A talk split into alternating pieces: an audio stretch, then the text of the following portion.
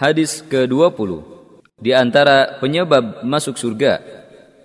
عن ابي امامه الباهلي رضي الله عنه يقول سمعت رسول الله صلى الله عليه وسلم يخطب في حجه الوداع فقال اتقوا الله ربكم وصلوا خمسكم وصوموا شهركم وادوا زكاه اموالكم واطيعوا ذا امركم تدخلوا جنه ربكم Dari Abu Umamah Al-Bahili radhiyallahu anhu ia berkata, Saya pernah mendengar Rasulullah sallallahu alaihi wasallam berkhutbah pada Haji Wada'.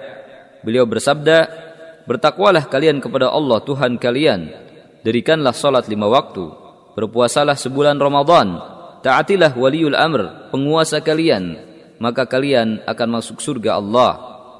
Hadis riwayat Tirmidzi, Imam Tirmidzi mengatakan bahwa hadis ini hasan sahih dan disahihkan oleh Al-Albani.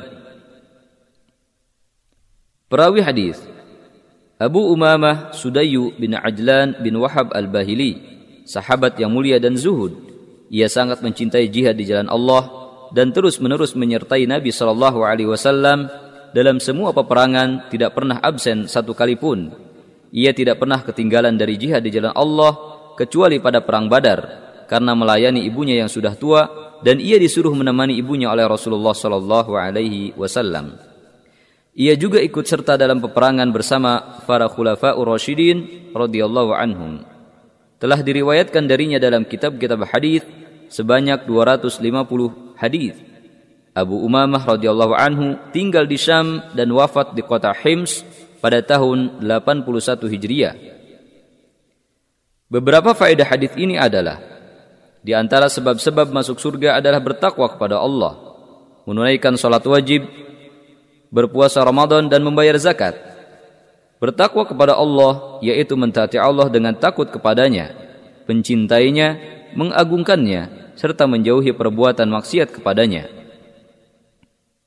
Wajib mentaati para pemimpin umat Islam, pemerintahnya, serta para ulamanya yang Rabbani, juga semua pihak yang bertanggung jawab terhadap juga semua pihak yang bertanggung jawab terhadap urusan kaum muslimin dalam perkara yang tidak melanggar ajaran Islam.